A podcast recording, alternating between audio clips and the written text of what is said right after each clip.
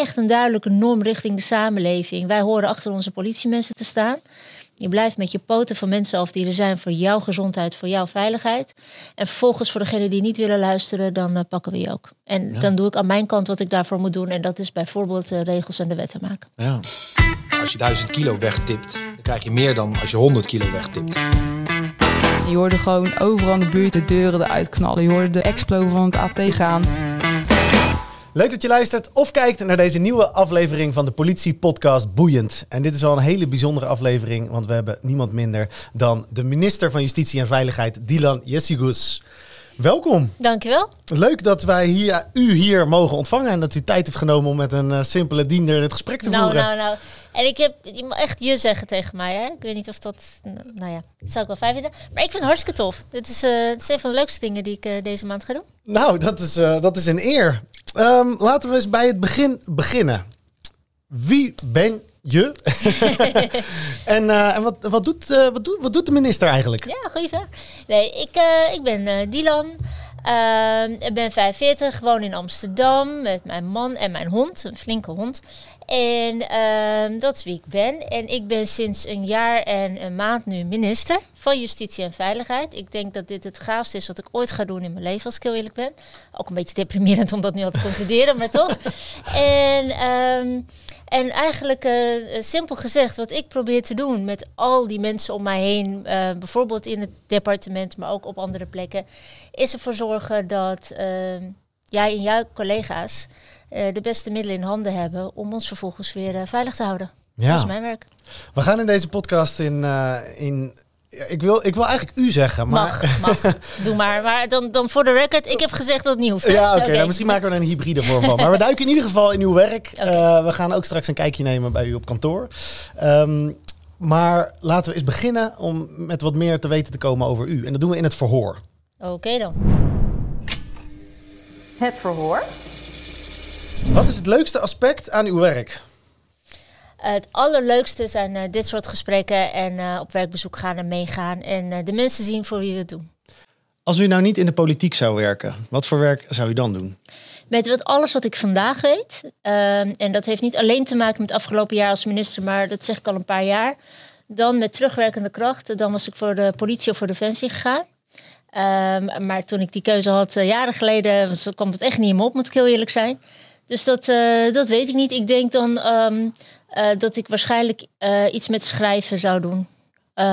maar met alles wat ik nu weet en ik kom terug in de tijd, dan zou ik je collega zijn. En dan regisseur of? Ik weet niet welke capaciteit en kwaliteit ik zou hebben, maar ik, ik, ik zou het, weet ik niet, maar gewoon op straat lijkt me ook geweldig. ik weet alleen niet of ik zo goed zou zijn. Nou, volgens mij zou u een heel eind komen. Als u nou één ding kon veranderen aan de politiek, wat zou je dan veranderen? Hmm, dat is een goeie. Nou, kijk, ik, ik zelf, ik, ik vind politiek ook leuk. Uh, en het politieke spel uh, is ook leuk. Politiek is ook wat je thuis doet als je gaat onderhandelen waar je op vakantie gaat of wat je vanavond gaat eten. In mijn ogen is, kan alles politiek zijn als je daar een beetje de lol van in ziet. Um, maar soms uh, slaan we daar wel heel erg in door en we gaan het alleen maar over beelden en ideologie, terwijl het echt even moet gaan over de praktijk en hoe helpen we mensen verder. Dus als het uh, te veel blijft hangen in uh, en bijna polariserend wordt, dat, dan is het niet meer leuk. Dan is het echt niet leuk. Dat zou ik wel willen veranderen, dat uh, die grens wat eerder komt. Ja. Kent u ook gekke politieafkortingen? Ik ben niet zo fan van afkortingen. Dus die probeer ik allemaal te vermijden. En als ze op kantoor afkortingen gebruiken, dan uh, moet er getrakteerd worden. Bij ja. voorkeur op donuts. Ja. Uh, zeker.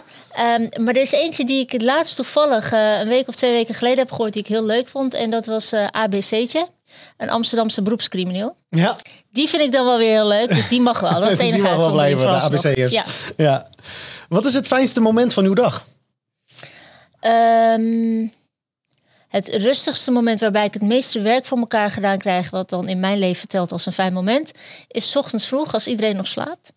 En ik uh, met een kop koffie, uh, met de hond naast me, dan bezig ben met gewoon stukken wegwerken. Dat vind ik dus heel rustig. Uh, en daarna begint de chaos en dan is ook alles mooi wat ik doe. Ja, dus u bent wel van het vroeg opstaan? En met vlagen wel, ja. ja soms ligt er zoveel werk en dan denk ik, dit kan ik het beste 's ochtends vroeg. Vroeger was ik er helemaal niet van. Nee, nee. Maar dat is toch omgedraaid uh, de afgelopen jaren. Ja. En tot slot in dit verhoor, om maar ook meteen de toon van de podcast te zetten. Wat is uw favoriete politie-eenheid? Daar ga ik echt niet doen. Dat ga ik echt niet doen. Jouw vraag. Als wij een podcast gaan eh, aankondigen, dan geven we altijd de gelegenheid aan de luisteraars om ook vragen in te sturen. Nou is het nog nooit zo storm gelopen als eh, voor u als Echt? gast. Er was ontzettend veel interesse. Er was zelfs iemand die graag wilde weten wat u gaat doen aan het woningtekort. No. Maar eh, we hebben een, een aantal vragen uitgekozen. En de eerste gaat over eh, GTPA, om maar in de afkortingen te blijven. Het geweld tegen politieambtenaren. Hoe kijkt u daar tegenaan? En wat zou u graag op dit gebied willen veranderen? Ik vind het echt onbegrijpelijk dat er mensen bestaan die het in hun hoofd halen om politiemensen, mensen die dag en nacht werken om jou eh, veilig te houden, eh, om die mensen te belagen. En ehm, ik heb soms het idee dat mensen denken: je hebt een uniform aan, dus je bent geen mens meer of zo. Ik, eh, ik, heb er, ik vind er dus heel veel van. Maar daar heb je niks aan. Je wilt ook dat ik iets doe. Dus eh, wat wij aan het doen zijn, is ervoor zorgen dat we steeds beter de politiemensen kunnen beschermen. Er is in het verleden al heel veel gedaan. Door bijvoorbeeld te zorgen dat als mensen met een eh, publieke taak, zoals politiemensen worden belaagd, dat het Openbaar Ministerie ook voor hogere straffen kan gaan. En wat we onlangs eh, hebben gepresenteerd, en ik, ik heb alle vertrouwen in dat eh, de Eerste en de Tweede Kamer, iedereen die hier enthousiast over zal zijn, is eh, het verbieden van zogenaamd doxing. Ik vind een raar woord, maar het komt erop neer dat mensen als zij denken: ik ga jouw foto, naam, persoonsgegevens openbaar maken met als doel om jou te intimideren of te zeggen: nou ga die maar opzoeken, eh, zodat jij je werk niet meer eh, goed kunt doen, eh, dat dat strafbaar wordt gesteld. Dat is niet strafbaar op dit moment en dat gaan we wel strafbaar stellen. Met flinke straf. Het is al door de Tweede Kamer, moet ik zeggen. Moet nog naar de Eerste Kamer. Nou, en op deze manier proberen we steeds meer eh, en echt een duidelijke norm richting de samenleving. Wij horen achter onze politiemensen te staan. Je blijft met je poten van mensen af die er zijn voor jouw gezondheid, voor jouw veiligheid. En vervolgens voor degenen die niet willen luisteren, dan eh, pakken we je ook. En dan doe ik aan mijn kant wat ik daarvoor moet doen. En dat is bijvoorbeeld de regels en de wetten maken. Ja. Heb je het zelf wel eens meegemaakt? Gelukkig ben ik nooit zelf slachtoffer geweest van doxing. Eh, wel van eh, geweld. Ehm, en dat is eh, ergens ingrijpend. Kijk, het poli- het politieagenten hebben een geweldsmonopolie natuurlijk. Dus ik snap ergens dat soms een aanhouding of een, eh, een, een optreden van de politie tot ja, weerstand kan leiden. Dat is gewoon natuurlijk ingrijpend, niet prettig. Alleen, nou, u had het net al even over een bepaalde norm. En ik denk dat op het moment dat die wordt overgegaan, als er grenzen worden overgegaan, of dat politieagenten thuis of in een privésituatie worden opgezocht, ja, dan raakt me dat ontzettend. Ja, ja, Ja. Dat, eh, nee, het is echt heel heftig. Ik heb wel eens tegen mensen die, die online bijvoorbeeld tekeer gingen over politiemensen eh, gevraagd: wie bel jij als jij in nood bent? Want je belt diezelfde politie, man of vrouw. Dus ga nou niet doen alsof je die mensen niet nodig hebt. Je verwacht dan ook dat ze meteen voor je staan. En dat is iets wat ik in de hoofden van mensen niet begrijp. Maar het raakt me als je zegt, ja, in mijn werk eh, heb ik het meegemaakt. En tot op zekere hoogte hoort het er ook bij. Ik weet natuurlijk dat jullie ook daarvoor getraind zijn en ook kunnen anticiperen. Maar je verwacht altijd, als het al voorkomt, dat het dan iets is van mensen die op dat moment al de controle kwijt waren, zware criminelen. Maar als je dan gewoon naar de beelden kijkt en ziet waar het gebeurt. Het is alsof mensen gewoon hun persoonlijke frustraties maar op jullie kunnen afreageren. Ja, daar zal ik altijd voor gaan staan. Ja. Is het dan moeilijk om ook een balans te bewaren tussen aan de ene kant uw e- eigen gevoel, daar, hè, je moreel besef, en aan de andere kant de, de zakelijke kant daarvan, namelijk dat binnen de kaders van de politiek eh, daarmee aan de slag gaan? Dat is soms best lastig. En eh, ik kan niet zeggen dat ik hem altijd eh, eh, goed heb, die balans. En ik vind ook eigenlijk dat het erbij hoort dat ik ook die kant laat zien. Ehm, eh, ik blijf binnen de kaders, ik doe mijn werk als minister. Maar op het moment dat ehm, al die tienduizenden politiemensen in één weggezet zouden worden als mensen die niet deugen, ehm, ja, dan vervalt al het voorgaande en dan ga ik daar ook als mens voor staan.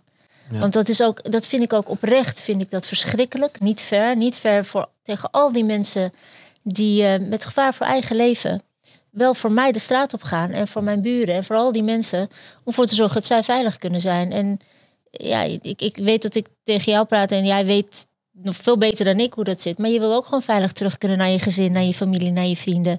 En ik vind echt dat mensen dat moeten beseffen. Het is niet een, eh, je hebt het niet tegen een zieloos uniform. Nee. Dat is hier niet aan de hand. Nee. Nou, het wordt gezien op wat voor manier u daarvoor ontstaat. En dat wordt ook gewaardeerd. Ik hoop het. Maar belangrijker is dat het ook effect heeft. Dus, uh, dus ik zal me daar wel voor blijven inzetten. Ja. Um, een andere vraag die we hebben gekregen, die heeft uh, betrekking op criminele jeugd. Ja. Hoe gaan we nou die problemen in de samenleving met criminele jeugd, criminele jeugdgroepen uh, oplossen, aanpakken? Ja, ik denk dat um, uh, preventie is natuurlijk een ongelooflijk belangrijk onderdeel van de aanpak van eigenlijk alles wat wij doen. Uh, weet dat uh, aanpak van georganiseerde misdaad bijvoorbeeld een belangrijke pijler is in het werk wat ik doe. Nou, dat kan alleen maar slagen als je aan de ene kant ook zorgt dat kleine jongens geen grote criminelen worden. Dus heel vroeg erbij zijn, dat begint natuurlijk thuis en op school. En als het goed is, dan zijn wij dan nog niet in beeld. Vanuit justitie niet, vanuit mijn rol niet, maar zijn mijn collega's in beeld. Maar op het moment dat uh, kinderen, bij, uh, jongeren bij ons uh, langskomen, dus dat betekent in de justitieketen, ja, dan vind ik dat je ook fors moet investeren in preventie om te voorkomen dat mensen, dat we kinderen echt kwijtraken aan een crimineel pad. Dat doen we onder andere door veel geld vrij te maken. Dat doen we voor het eerst ook structureel. Dat hebben we eigenlijk nooit eerder gedaan. Uh, dus meer dan 140 miljoen uh, besteden we structureel aan preventie. Aan het voorkomen dat klein, ik zeg altijd kleine jongens grote boeven worden. Er zitten mm. natuurlijk ook meisjes tussen, maar we weten de verdeling uh, redelijk.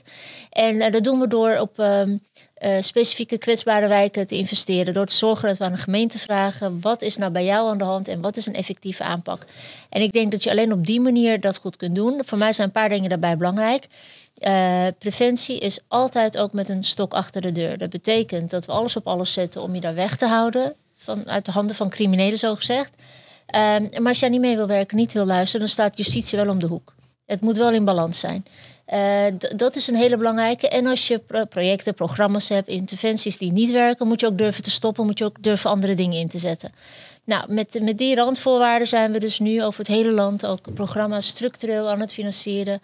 Um, en juist naar de experts dicht bij de jongeren aan het luisteren. Hoe doen we dit het beste? Ja. En zijn dan de experts op dit gebied ook echt um, uh, ja, bijna leidend voor het beleid? Of, of wordt, er, wordt er wel geluisterd naar wat er allemaal wordt gezegd en, en onderzocht? Maar is het uiteindelijk toch een, een ja, meer, zijn het gewoon beleidskeuzes? Um, nou, het, het, het, zal uiteindelijk altijd een combinatie zijn, maar het begint en eindigt wel met experts. Dus dicht bij de jongeren, wat werkt er? En dat vind ik heel belangrijk, dus in die hele keten. Dan zal je het hebben over sociaal werk, zorg, maar ook justitie en uh, veiligheid. Dus wat werkt daar? En dan is het belangrijk dat er natuurlijk met de beleidsmakers programma's worden opgezet die we ook met elkaar kunnen toetsen, dat we kunnen monitoren. Dat is ook heel erg belangrijk. En dat je dan ook de wetenschap erbij betrekt, om dan te kunnen zien. Uh, hoe werkt dit en kunnen we dit landelijk uitrollen? Is het breder toepasbaar of heb je voor specifieke problematiek in specifieke gebieden specifieke aanpak nodig? Uh, ja, en daar komt dan alles wel bij elkaar. Ja. We hebben nog een, uh, een tussendoor, geen vraag, maar ik wilde wel even kwijt dat u een topper bent. Het oh, mag maar gezegd zijn op Instagram. Wow. Um, loopt u wel eens mee met de politie? En zo ja, wat vindt u dan van de agenten? ja, het is, uh, ik loop heel vaak mee. Ik zou nog wel veel vaker meelopen, eerlijk gezegd. Maar goed, dat is niet altijd uh, is er tijd voor. Ik doe dit werk in de hoek van justitie en veiligheid niet als minister, maar als woordvoerder en als raadslid en als Kamer. Dat doe ik al heel lang. Dus ik heb al heel vaak mee mogen lopen. En uh, wat ik het mooiste vind, zeker als je in de wijk meeloopt, is hoe goed de politiemensen hun eigen wijk kennen. En of ze daar nou net een jaar werken of al tien jaar rondlopen ze weten alles te vertellen over die wijk. En dat, dat laat voor mij de betrokkenheid zien. Dat laat zien van dit, je bent onderdeel van een gemeenschap, of je daar nou woont of niet. Je beschouwt het als dit is ook van mij. En ook, um, want over politie zo praat ik ook vaak, hè, boeven pakken en uh, de, de harde kant. Maar als we heel eerlijk zijn, de politie heeft natuurlijk veel meer kanten. Dat is dienstbaar en waakzaam. Dat is gewoon, uh, dat zie je in die wijken. Waarbij um, de politie er ook voor zorgt dat het laagdrempelig, dat jonge kinderen weten, hey, dat is mijn vriend, dat mensen hulp kunnen vragen. En die kant van de politie is uh, net zo waardevol als die harde kant, waar ik het misschien wat net iets vaker over heb. Maar je moet wel weten, dat ik heb ook echt oog voor die andere kant. Want dat maakt dat een, dat een uh, wijk ook uh, gezond blijft. Dat, de politie speelt, speelt echt een cruciale rol in. Dus dat is heel leuk om te zien. Ja. Wat voor werk heeft u eh, hiervoor gedaan en had dat ook te maken met veiligheid? Ja, dat had altijd eh, wel te maken met veiligheid. Hiervoor zat ik in de Tweede Kamer. Nee, wacht even. Ik ben nu een jaar minister. Het jaar daarvoor was ik staatssecretaris eh, Klimaat, dus dat was even kort. Daarvoor zat ik in de Tweede Kamer. Daar was ik een hele tijd ook woordvoerder veiligheid. Daarvoor zat ik in de gemeenteraad, was ik ook woordvoerder veiligheid. En daarvoor was ik acht jaar lang adviseur van de burgemeester en wethouders in Amsterdam. En daar hield ik mij bezig met zorg en veiligheid. Dus ehm, misschien heb je er wel eens van gehoord, de top 600 aanpak Zeker, bijvoorbeeld. ja. Nou, dat was ik een van de ambtenaren van Ebert van der Laan, die me daarbij hebben- heeft geadviseerd. Hoe geven we dat vorm? Hoe zorg je ervoor dat dat een succes wordt? Ehm, maar ook aanpak van eh, de dak- en thuisloze problematiek. En eh, ik heb eigenlijk in die jaren heel erg geleerd dat alles wat bij veiligheid, bijna alles wat bij veiligheid gebeurt in ons domein nu, dat het ook te maken heeft met de zorgketen. Dat zit heel erg dicht op elkaar. En die lessen die probeer ik nu ook in de praktijk te brengen. Dus dat is wat ik allemaal heb gedaan. Daarvoor was ik heel kort even onderzoeker in de, gemeente Amersfoort. En daarvoor heb ik gestudeerd. Maar veiligheid vormt in die zin wel een rode draad eh, door mijn leven. Ja. Ik heb zelf nog gewerkt in het top 600 team in Amsterdam. inderdaad. Leuk. Ja, ja. Ja, dat is wel. eh, eh, ik denk dat we daar, eh zal jij misschien ook wel zo vinden, maar heel veel hebben geleerd van hoe dingen beter kunnen. Ook waarvan we dachten, nou, dit is de oplossing en dat was het dan niet. Ja. Maar dat was wel echt een goede zet, eh, onder andere van Ebert, denk ik. ja, zeker weten. Het dossier. Waarom de politiek? Ja, eh, ik zeg altijd voor de grap, eh, ja, omdat ik geen vak heb geleerd. Eh, maar ik geloof wel heel erg in eh, niet aan de zijlijn staan. En eh, niet schreeuwen dat dingen niet goed gaan, maar zelf er niks aan doen. En er zijn heel veel manieren om betrokken te raken. Mijn eh, slogan in het leven is altijd bemoei je ermee. Eh, en hoe je dat ook doet, dat is aan jou, maar bemoei je er wel mee. Dus dat kan zijn doordat je politieagent bent. Dat kan zijn doordat je journalist bent of dokter of verpleegkundige. Maakt niet uit. Als je maar er tegenaan bemoeit, als je maar verschil maakt. En dit is mijn manier om het te doen. En ik ben, daar, ik, ik ben daar een beetje ingerold, omdat ik wel altijd dacht, daar wil ik iets mee doen, maar ik weet niet precies wat. En ik denk dat ik nu, waar ik nu zit, ben ik in ieder geval, hoop ik, van toegevoegde waarde te zijn. Maar ik zie het wel als, zolang ik op die stoel zit, super mooi. Dan ga ik alles doen om het voor jou beter te maken. En als dat morgen ophoudt, dan zal ik het heel jammer vinden. En dan ga ik weer wat anders doen. Dus het mag niet voor mij een carrière en een einddoel zijn. Want dan ben je meer met jezelf bezig dan voor wie je het hoort te doen. Dus die heb ik altijd proberen vast te houden. Volgens mij lukt dat aardig. Ik kom ook uit een omgeving. Ik denk als ik thuis zou komen en zou denken... nou, stoer ben ik, hè, het gaat nu allemaal om mij. Dat eh, mijn vrienden en mijn familie zouden zeggen... ben je wel goed bij je hoofd. Dus Ja. dat, dat houdt me sowieso wel eh, goed gebalanceerd. grounded. Ja. Jazeker. Ehm, maar dus de politiek is, is een, eh, een goede manier om je er tegenaan te bemoeien en je in te zetten. Ik denk dat in ons land heel veel dingen heel mooi gaan. En die koester ik ook, de vrijheden die we hebben. Maar ik weet ook dat ze niet vanzelfsprekend zijn. Nou, er valt dus ook heel veel eh, te, te, voor te vechten om zo te behouden of beter te maken. Nou, dit is mijn manier. Ja. Wat zijn nou de grootste uitdagingen van het werk als minister? Eh, als het gaat over persoonlijk privé, dan is het eigenlijk dat ehm, ik naast dit voor, ik heb bijna voor niks anders tijd. Dit is wel alles overheersend. Ja. En eh, dat kan dus ook alleen maar als je omgeving je daarin steunt. Als ik eh, familie en vrienden zou hebben die zouden zeggen: Ja, hallo, nu mis je weer een verjaardag. Of we hadden toch vanavond afgesproken om te eten en je komt niet. Dat trek ik niet meer, dan zou het heel zwaar zijn.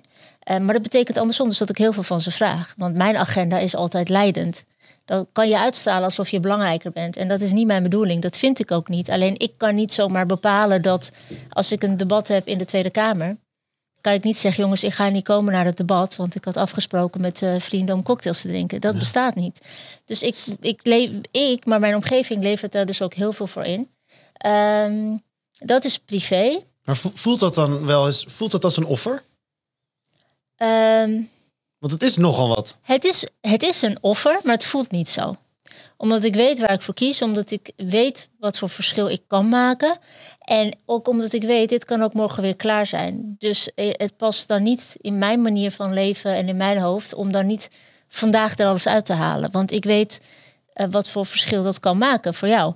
Eh, en daar haal ik heel veel energie uit. Hè? Dus dat bedoel ik niet nu als een soort dramatische zin. Maar dat is, dat is het gewoon het mooie. En ook omdat je weet, ja, dit gaat niet 30 jaar duren. Dus dan nu alles eruit halen. En Maar het is feitelijk wel een offer. Maar ik vind het vooral ook een heel groot offer voor mijn eh, familie en vrienden. Ehm, want die, ja, als ik kan, dan is het fijn als zij klaarstaan dat ze ook, ook tijd hebben. Ja. En vaak kan ik niet. Dus dat is, dat is helemaal, ik ben helemaal niet een leuk mens om me denk ik zo mee te hebben. Ehm, dus ik probeer dat dan wel tijdens de recessen en vakanties, weet je wel, een beetje goed te maken. Ehm, maar dat is wel lastig. Ik ben dan inderdaad niet de meest attente persoon in je omgeving.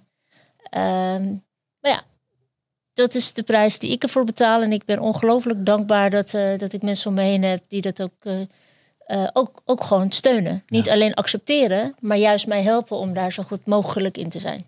Dus dat is tof. Dus dat is privé. Maar was het ook privé bedoeld of ook wil je Nee, ook ja, beide weten? inderdaad. Wat zijn nou ook, ja, inderdaad ook binnen het werk? Wat zijn dan de uitdagingen? Waar zit, wat, is moe, wat, wat is er nou moeilijk aan dit werk? Nou, ehm, eh, wat, wat ik zelf het, het, het lastigste vind, is dat. Eh, nou, ne- neem de politie. We weten wat voor enorme tekorten er op dit moment zijn. En we zijn heel veel geld aan het investeren in de politie. We zijn op hoog tempo mensen aan het opleiden. Maar daar ben jij en je collega's morgen op straat nog niks aan. Want dat duurt gewoon. Dat duurt echt jaren. En dat vind ik zelf een heel lastig verhaal. Eh, maar het lijkt me nog lastiger om daarin te werken. Maar dat zijn wel hele vervelende dingen, omdat ik die liefst morgen zou oplossen. Maar dat kan ik niet. Dus dat, dat vind ik wel heel frustrerend. En, en er komt bij dat we te maken hebben met hele grote uitdagingen in het land. Of het nou de georganiseerde misdaad is, de polarisatie, eh, de, op wat, de oorlog dat op ons continent gaande is, wat ook invloed heeft op ons land hier. Dat zijn, dus er komen dat soort uitdagingen sowieso bij. En dan moeten we het ook met elkaar nog zien te doen met eigenlijk de beperkte capaciteit die we op dit moment hebben. Dus dat maakt het niet echt makkelijk. Maakt me wel extra trots dat het wel lukt. Ja. Hoe zorgt u er nou voor dat met al die dingen waar u zich mee bezig moet houden, alles wat er speelt, iedereen die wat van u wil, eh, of het nou een podcast aan de agent is of een eh, bewindslied die iets heeft geroepen, hoe? Geen idee. Hoe, hoe kan dat? Nou ja, Hoe doet u dat? Weet, ik heb gelukkig heel veel goede mensen om me heen eh, die me daar ontiegelijk bij helpen. Dus dat is één. Ehm, en, en twee is, wat ik leer, wat ik niet zo makkelijk, waar ik niet zo goed in ben, is in eh, nee zeggen. Eh, ik vind ook heel veel leuk van wat er met het werk meekomt. Ik vind heel veel belangrijk. Heel veel is ook belangrijk. Eh, maar niet alles kan. Dus dat nee leren zeggen, nou, dat is nog wel een dingetje. Maar ik merk ook als ik dat niet doe, dan ga je ook niks waar kunnen maken. Ga je alles half doen. Dat kan ook niet. Dus dan, dan kies ik mijn prioriteiten. Dus daar ben jij een van. Ja, nou dat is, nou, dat is een eer. Nee hoor, het is gewoon. Ik vind dit heel leuk en heel belangrijk. Want dit is voor mij een manier om in gesprek te zijn met de politie. Maar ook, nou ja, eh, ook weer op te halen. Wat kan ik nog beter voor jullie doen? Ja. Dus eh, dit, dit is om heel veel redenen een prio. Ja, en gelukkig hebben we ontzettend eh, enthousiaste luisteraars ook. Zowel politiecollega's als mensen die er interesse in hebben, maar ook heel veel aanstormend collega's. Dus dat is, Kijk, dat is wel echt, echt heel goed. Dat is echt zo belangrijk. Ja. Dit is volgens mij een van de mooiste beroepen die er zijn. Ik zei al, met alles wat ik nu weet en ik ga terug in de tijd, zou ik het ook doen. Ja. Ehm, en, en we hebben ook zoveel nieuwe mensen nodig. Dus als dit ook maar daar een beetje aan bijdraagt, dan ben je al eh, onwijs goed bezig. Dan zijn we goed bezig, ja, precies. hoe, hoe verhoudt zich eh, uw werk tot bijvoorbeeld het werk van de korpschef Henk van Essen? Ja. Eh, hoe, hoe, hoe, zit dat in elkaar? Nou ja, ik heb ehm, eh, de korpsleiding, Henk van Essen en al zijn collega's natuurlijk in de top. Die zijn verantwoordelijk voor het dagelijkse, echt operationele kant en de leiding geven aan deze enorme organisatie. En dat doen ze heel knap. En eh, daar af en toe eh, zeg ik wel, ik ga er eigenlijk niet over, maar of ik wil me er niet mee bemoeien, maar, Ja. maar ik ga er niet over. Ehm, wat mijn werk is, is vooral de kaders eh, stellen. Dus zorgen dat we ehm, de wetten en de regels op orde hebben. Dat ik ehm, eh, dat als er middelen nodig zijn, dat ik daar weer sterk voor ga maken binnen het kabinet of in de Tweede Kamer, noem maar op. Dus het- bij mij gaat het over de kaders en over echt de aansturing. En eh, tot en met het personeelsbeleid en hoe ziet dat eruit? Ja, dat is echt aan de mensen die dichterin staan. En dat is natuurlijk de korpsleiding. Ja. Er zijn, het is natuurlijk, eh, u zei het net al even, het is een vrij complexe tijd. Er is polarisatie. En er is ook eh, een, soort van, ja, steeds meer mensen die zich wat meer verwijderd voelen van beleidsmakers, van de politie, van eh, de overheid. Hoe, hoe kijkt u daarnaar en, en wat vindt u daarvan, van die groeiende afstand? Ja, die is, die is heel zorgelijk. Ehm, en die trek ik me ook aan. Daar heb ik natuurlijk ook een rol vanuit de politiek.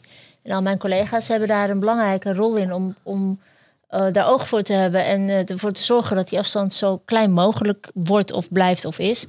Eh, en de enige manier om dat te doen is, denk ik, om, om dat gesprek steeds aan te gaan. Ik, ik hou zelf bijvoorbeeld erg van campagne voeren, campagnetijd rond de verkiezingen, want ik hou van politiek.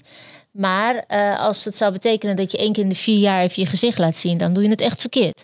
Dat betekent dat je altijd op pad moet naar de mensen, uitleggen waarom doen we nou wat we doen. Eh, ik kan niet altijd iedereen blij maken, maar dat kan ook niet mijn opdracht zijn. Eh, maar dat betekent wel dat ik moet uitleggen waarom ik doe wat ik doe. En ook naar de zorgen moet luisteren. Als mensen zeggen, hey, je denkt dat je misschien met het goede bezig bent. Maar op straat in mijn werk merk ik dit en dat. Dus je moet het anders voor me betekenen. Ik denk dat dat een hele belangrijke manier is om die grote eh, groep. En ik denk niet dat het een overheersend grote groep is. Maar groot zat om je zorgen te maken. Mensen die zich steeds meer verwijderd voelen van, weet je, gaat het ook wel over mij? Doen, doen die mensen ook iets voor mij? Dat je die wel dicht bij je houdt. Want je moet niet vergeten, er zijn ook mensen in de politiek en daarbuiten die een verdienmodel ervan maken om met eh, valse verhalen, complotten, eh, een groep mensen naar zich toe te trekken en te zeggen wat zij allemaal daar zeggen, dat, eh, dat is niet waar. Dat zijn leugens. Dat, is, Ja. dat is van een hele andere orde. Ehm, maar je, dus je moet je niet afsluiten voor de mensen die zich daardoor aangesproken zouden kunnen voelen. Want die wil ik ook niet kwijtraken. Want natuurlijk doen we ook, eh, doen, we proberen het voor iedereen goed te doen. En soms gaat het niet. En daar moet je ook eerlijk over zijn. Is dat dan ook wel eens lastig? Dat er echt bepaalde grenzen ook in wat je als waarheid verkondigt bijvoorbeeld eh, worden overgega- overgegaan? Nou, weet je, ik, ik vind, je mag heel hard zijn op de inhoud. Mensen hoeven het niet eens met me te zijn. In de Kamer hoeft natuurlijk niet elke partij of Kamerlid te denken... zo, die Dylan is lekker bezig. Nee, natuurlijk niet. Maar op het moment dat ik je bijvoorbeeld een antwoord geef... en hij gaat tegen me zeggen, maar je liegt. Ja, dat zijn de momenten, daar kan ik heel erg boos om worden. Omdat ten eerste sta ik daar als een integer mens mijn best te doen. Nou, dan kan je best vinden dat ik het slecht doe. Maar dat is iets anders dan zeggen, je bent niet integer, je liegt. En vervolgens, wat je uitstraalt richting de mensen die dat ook zien, is alsof we met een of andere vage poppenkast met elkaar bezig zijn om maar mensen te foppen of zo. Ja. Terwijl dat natuurlijk allemaal niet aan de orde is. Dus waar ik echt moeite mee heb, is als dat inhoudelijke, waar je echt flink mag botsen, eh, dat het door elkaar gaat met het persoonlijke. En niet omdat ik dat persoonlijk niet kan hebben. Ik kan prima voor mezelf opkomen, maar je ondermijnt het hele systeem. Ja, het is echt schadelijk. Ja, je ondermijnt de rechtsstaat. Eh, hoe vaak ik wel niet hoor dat ik bijvoorbeeld de politie op mensen afstuur. Alsof ik, alsof ik dat zou kunnen. Alsof de verhoudingen zo zijn. Alsof ik jou kan bellen en kan zeggen, je moet die nu gaan arresteren. Ja. Alsof dat kan in een rechtsstaat. Alsof dat bestaat. Ja. Maar mensen gaan erin geloven doordat anderen dat gaan beweren voor hun eigen verdienmodel. Dus is het altijd, ook aan mij en aan iedereen, om steeds uit te leggen hoe het wel zit. En, hoe het, en daarbinnen kan je natuurlijk ook nog steeds eh, heel hard botsen, tegen zijn, zeggen ja, maar ik vind het gewoon niet goed. Dat mag. Maar hou je in ieder geval aan ehm, op zijn minst de grenzen van de waarheid. Ja. Ik vind het ook echt een, een groot goed dat we in een land leven waar je ook kritisch naar de politie mag kijken. Zeker. Waarin we het optreden van mij en, en mijn collega's tegen het licht mogen houden en kunnen zeggen van hey, is dit goed gegaan? Ja, Ehm, en dat is niet altijd zo.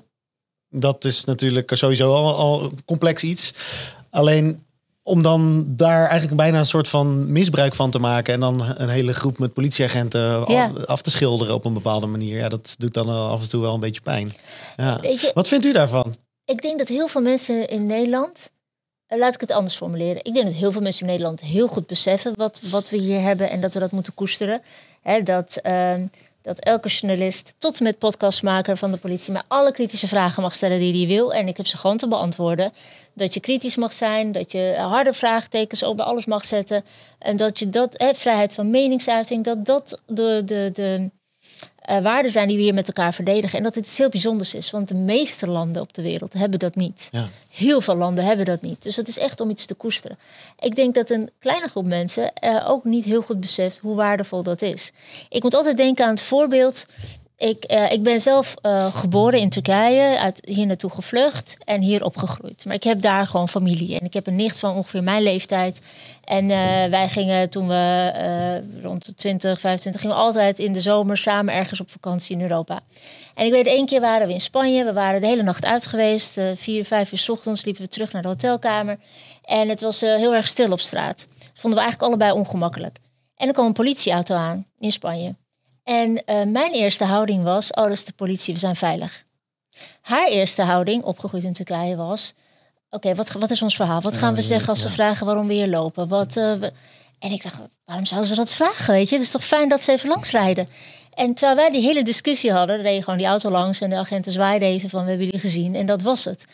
Maar dat was zo'n bepalend moment voor mij om te realiseren, dit is dus het verschil eh, tussen in een vrij land opleven, waar, wij, waar je weet dat de politie er is om mijn rechten ook te verdedigen en ook te beschermen als ik ze nodig heb.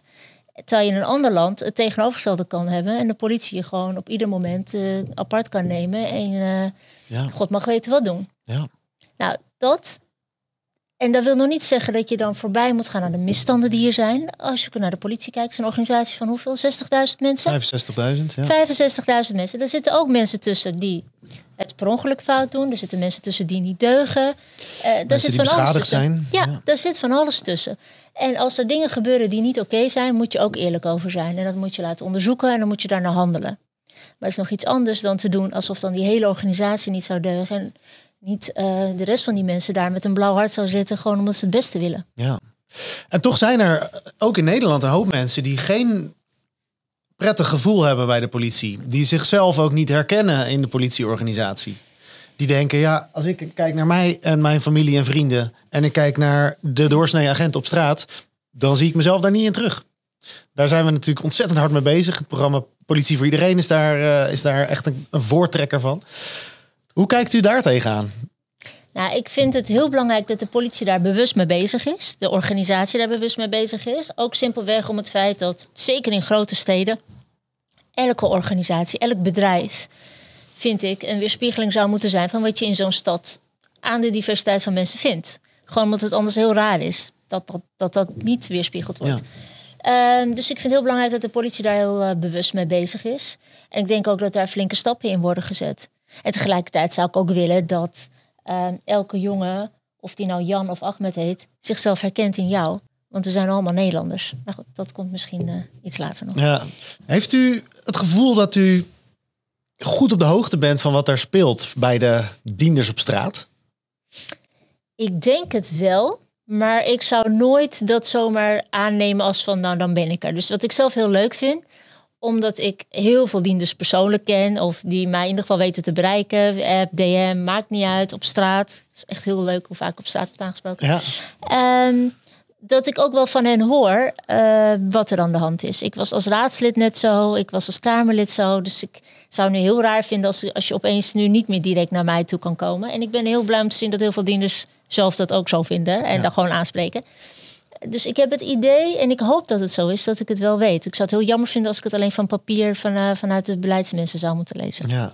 Is het dan, mer- merkt u dan ook van dat, dat je dan in één keer de minister bent? En dat mensen daar dan in één keer van eh, in het formele springen?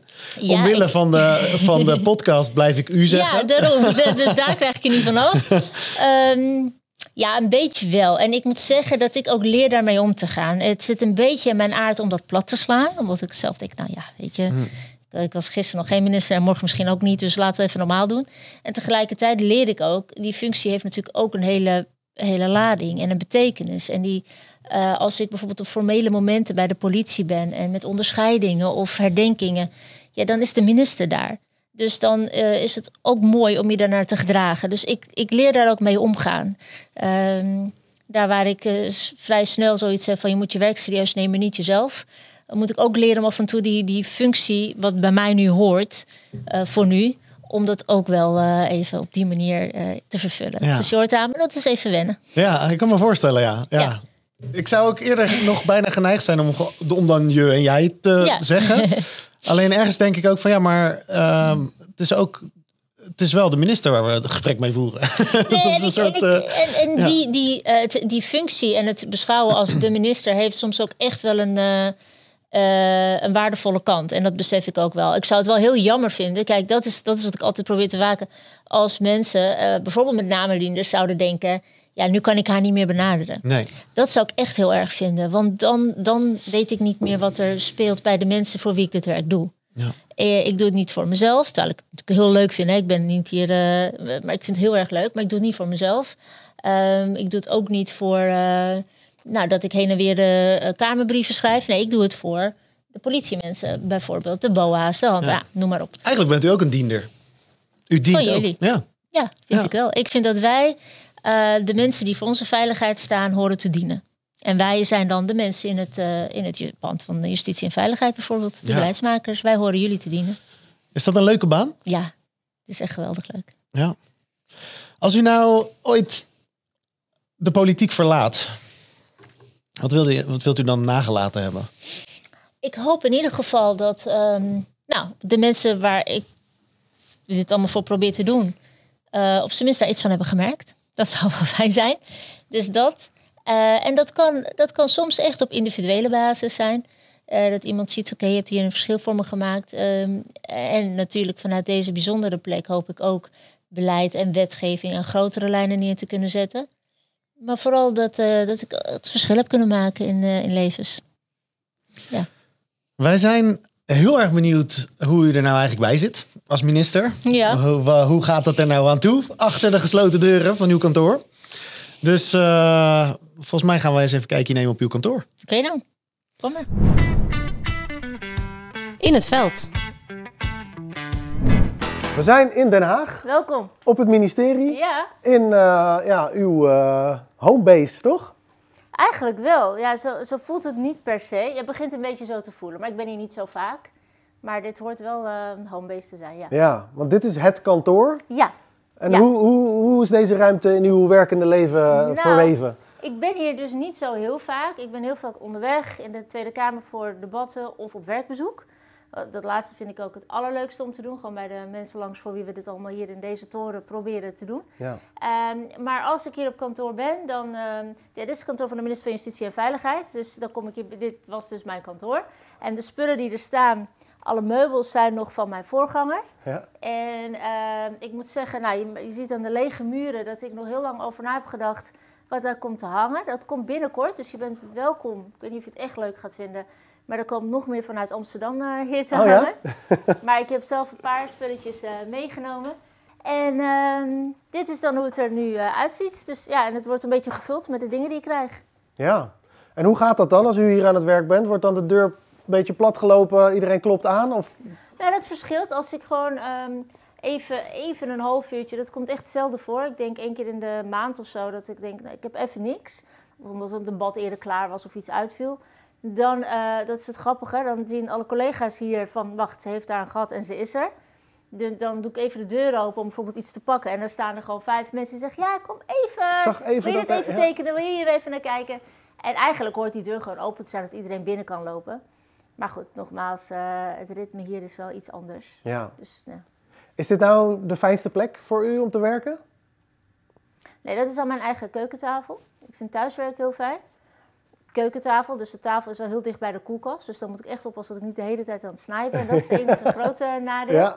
Maar, ehm, maar ik vind het hier ook wel chill hoor. Als ik gewoon even tijd voor mezelf heb, wat niet vaak voorkomt, dan eh, doe ik een muziekje en dan ga ik gewoon zelf een stuk afdoen. Ja, ja, het uitzicht is niet verkeerd in ieder Ja, geval. wel cool hè? Ja. Ik zie ook een aantal wat soort van ornamenten, dingen die Ja. volgens mij... Wat, wat, zijn, eh, wat zijn nou dingen die voor u een bijzonder staan verhaal naar het, heeft? naar het mooiste stuk. Nou ja, ik, ik moet zeggen, ik ben begonnen in de eenheid Amsterdam. Ah, oké. Dus dat, mijn dienstnummer is ook AML. Oh. Maar inmiddels werk ik in de eenheid Rotterdam. En dat is altijd een- voor de collega's wel een beetje... Ingewikkeld hè? Maar voor de luisteraars, daar hangt inderdaad een Ajax-shirt eh, aan de muur. Getekend. Getekend. Ja, Bent u er trots op? Ja, ja, ik, ja, ik ben een enorm ajax Dus dat vind ik heel leuk. Ja, Ja. Wat er verder hangt, ik heb dus twee dingen meegenomen. Het Ajax-shirt en een foto van een ehm, mevrouw. Eh, en het is een foto van de Verenigde Naties. Die hebben zij online staan en dan kan je foto's eh, downloaden. En eh, dit is een vrouw in oorlogsgebied en houdt een, een geweer vast, wachtend op de vijand. En de foto die hing altijd bij mij thuis. En op een gegeven moment zei mijn man, goh, nu je een eigen kantoor hebt, wil je haar dan niet meenemen? Want Oh, ja. ik ben een beetje moe van dat ze elke ochtend mij aanstaat Ja. als ik beneden kom. Maar ik vind haar blik is voor mij, eh, en de strijdbaarheid vind ik erg eh, indrukwekkend. Maar ook ehm, het besef dat alles wat wij doen, wat jij doet, wat ik doe, is eigenlijk te voorkomen dat we ooit daar belanden. Hè? Dat is de rechtsstaat beschermen. Ja. En eh, nou, dat heb ik altijd zo gevoeld. En hoe bijzonder is het dat ik dat als minister nu mag doen. Ja. Dus dat. En verder heb ik inderdaad heel veel spullen van werkbezoeken. Zal ik je, een van de leukste dingen die ik zelf vind, is dat ik ben naar Colombia geweest. Oh, Aanpak van eh, drugscriminaliteit. En daar ben ik langs verschillende politieafdelingen geweest. En ehm, bij iedereen waarbij ik zei, oh, een mooi uniform, wel gaaf, goed. Alsjeblieft, wilt u hem hebben? Dus je ziet dat lukt mij nou nooit. Nou, en ik, op een gegeven moment stopte ik maar met dat zeggen, want ik kreeg dus alles. Je zit daar een Oh, petje, ja. ziet daar de hoeden.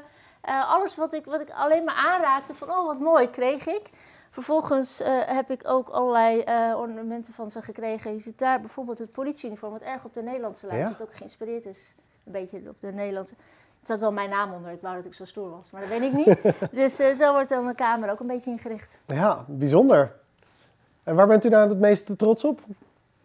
Oh, eigenlijk ehm, al die, al die. Het gaat niet om de spullen, maar het gaat om de dingen die mensen.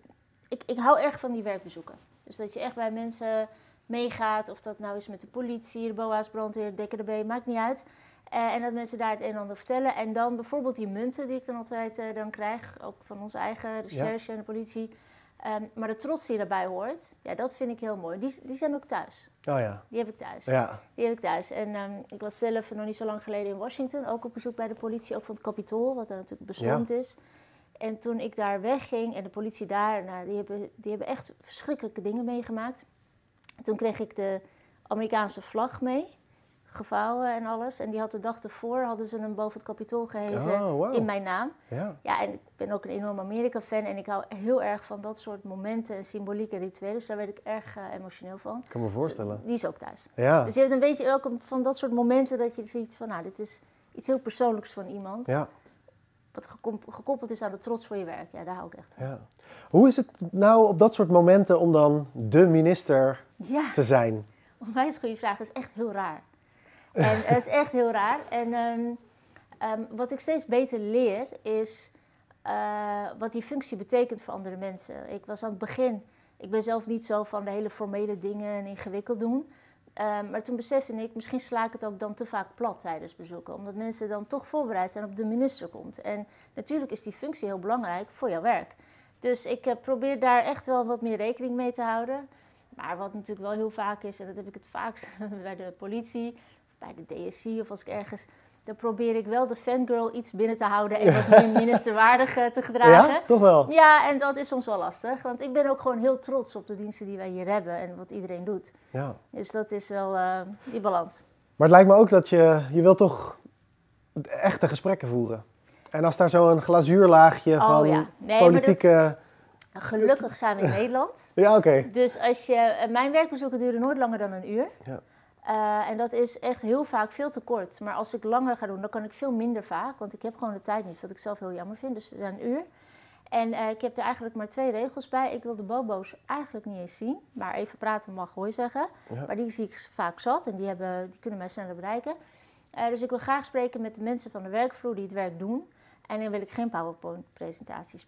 en als je dit soort dingen meegeeft, dan in Nederland, dan eh, lukt het vrij snel dat je tot de kern komt. Die nuchtere Hollander die komt dan... eh, Gelukkig, gelukkig. En ik vraag altijd voordat ik wegga, luister, wij doen dit, wat wij hier doen, eh, ik, ik noem het dan de toren, maar ja, je hoort het, we zitten, ik zit er niet zo vaak, maar is om ervoor te zorgen dat jij je werk beter kan doen. Wij zijn dienend aan jou, dus wat kan ik voor jou betekenen? En dan is het heel mooi dat mensen gewoon echt met, nou ja, als je het zo stelt, dit zou wel fijn zijn, regel dat nou eens. En dan gaan we hier ook mee aan de slag. Ja, mooi. Nou, bedankt dat wij hier even op uw werkplek mochten kijken. Welkom, leuk. Tot zover deze bijzondere aflevering van eh, de politiepodcast Boeiend. Eh Dylan, mag ik jou, ik ga het gewoon zeggen, hartelijk bedanken dat je hier hebt willen zijn. Ehm, tot slot, eh, heb jij toevallig nog een boodschap voor, eh, voor mijn collega's? Om te beginnen, echt heel veel dank dat ik dit mag doen. Dus eh, ik kan altijd, wanneer jij wil, ik ben er weer. Ehm, een boodschap. Weet je, ik, ik meen het en ik hoop dat het overkomt dat ik vooral ongelooflijk blij ben. Eh, met jou en je collega's. Met de politie die er altijd voor ons staat. Dus eh, blijf gewoon doen wat jullie doen. Wij, en ik weet dat ik namens heel veel Nederlanders spreek, zijn heel erg dankbaar dat jullie er zijn, dat je dit werk wil doen. En ik hoop dat ik eh, voor alle mensen die nog twijfelen, moet ik, wil ik bij de politie. Volgens mij is het een van de gaafste banen van de hele wereld. Dus ja, doe, we hebben je hard nodig. En voor alle dienders, joh, als er dingen zijn, of als je denkt van hier loop ik tegenaan, ook een keer als je iets leuks meemaakt, of zegt nou, hè, we zijn wel hier blij mee. Laat het gewoon weten, want we doen dit eh, allemaal voor jullie.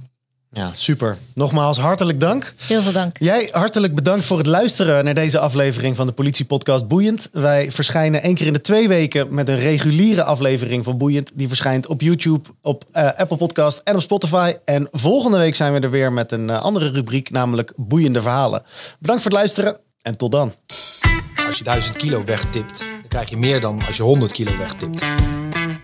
Je hoorde gewoon overal in de buurt de deuren eruit knallen. Je hoorde de explo van het AT gaan.